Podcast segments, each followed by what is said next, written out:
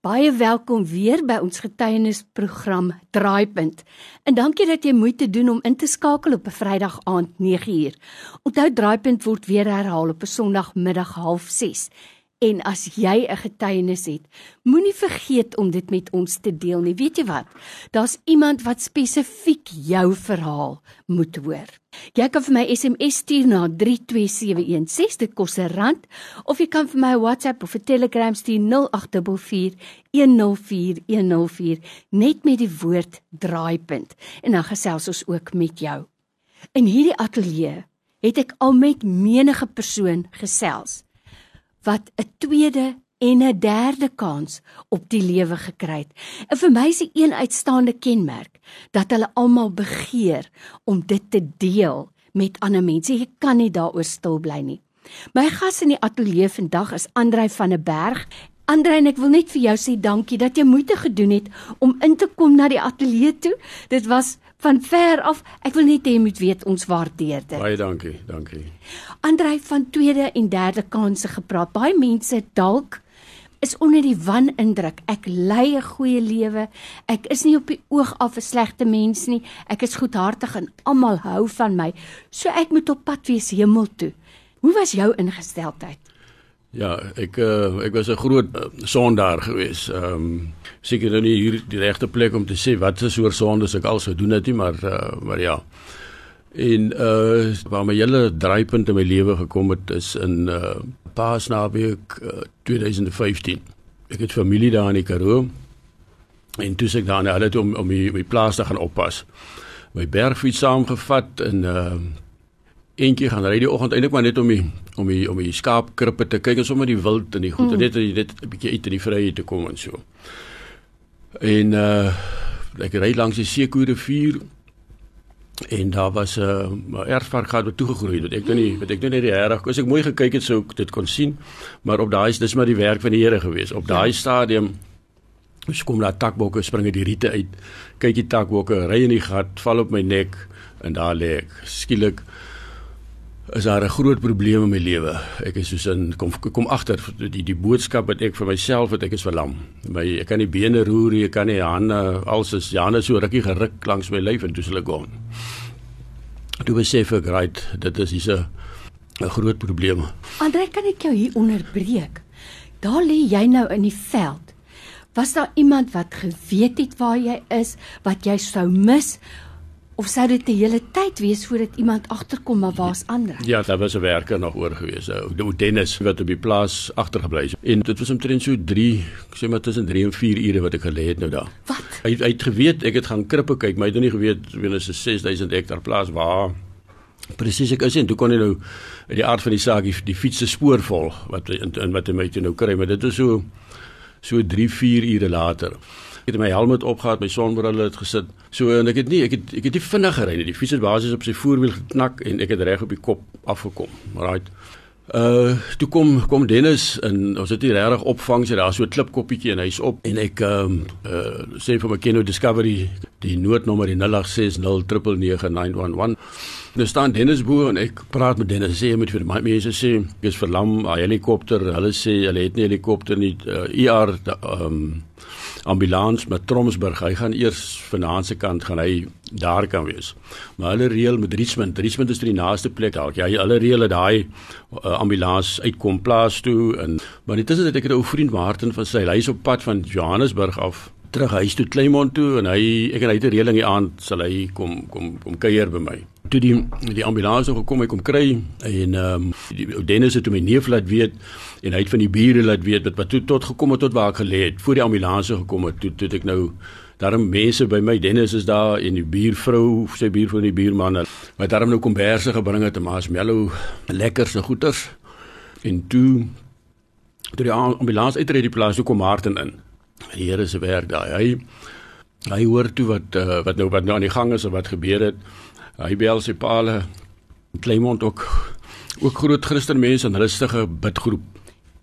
En hulle het ek het dus op 'n plank wat hulle nou vasgemaak het en skuif oor sit op 'n bed. Nou suk in in in in die Richmond hospitaaltjie lê ek nou en daar's daar's 'n dokter wat vra vra hy het nie daar's nie regtig toerusting om enige enige toetse te doen om te sê is ek werklik verlam wat aangaan jy jy, jy gaan met 'n MRI scans kry jy sê ons mm. gaan jy moet Kimberley is nou die naaste groot hospitaal gaan Kimberley ek gaan met so intoe gaan.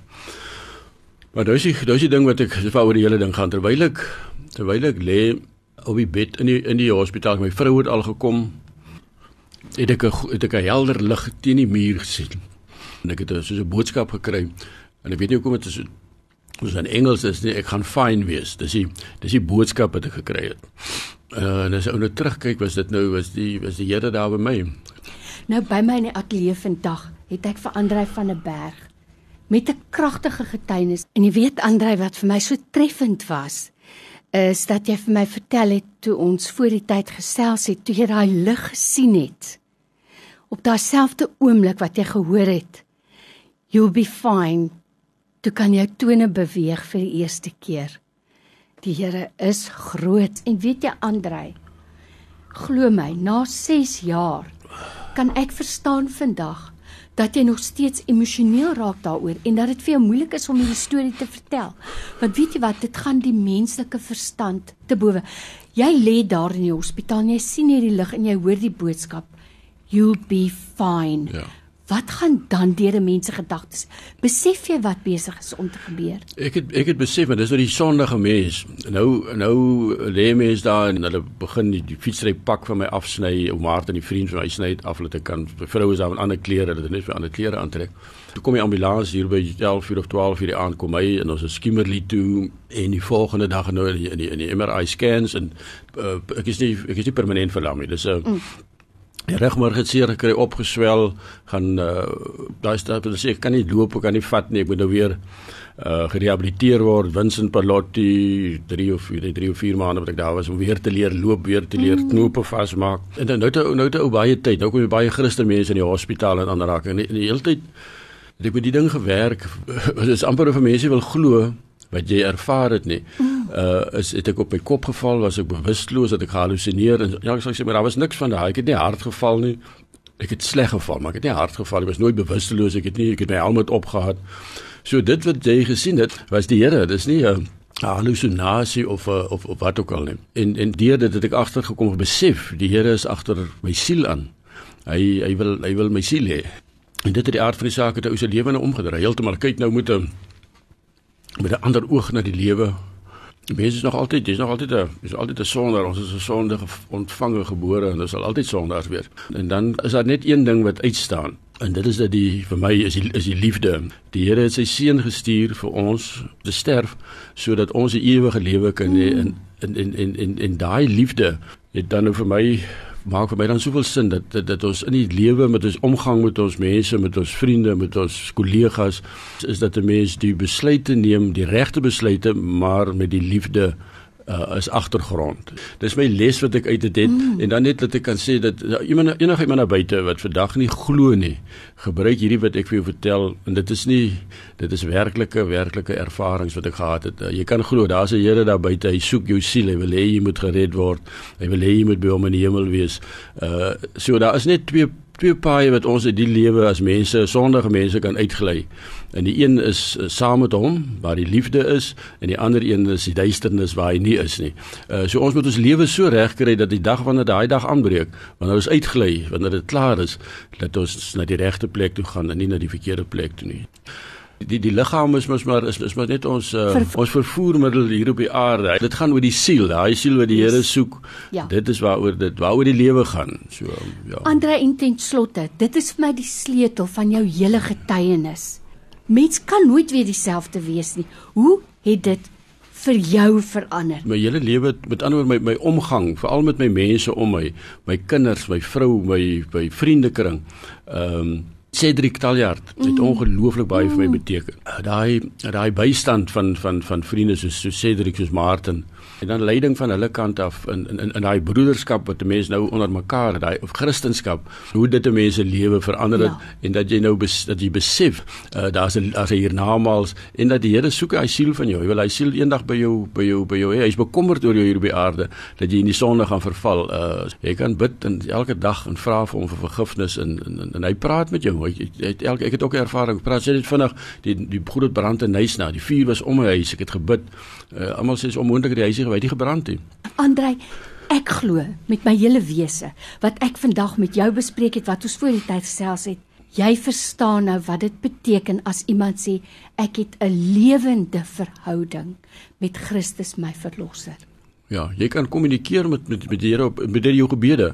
Jy kan die hele dag oral in die kar al maak jy nie oë toe nie, kan jy bid, jy kan bid, jy kan gesels met hom, soos wat jy met 'n vriend gesels, kan jy die hele dag praat met die Here.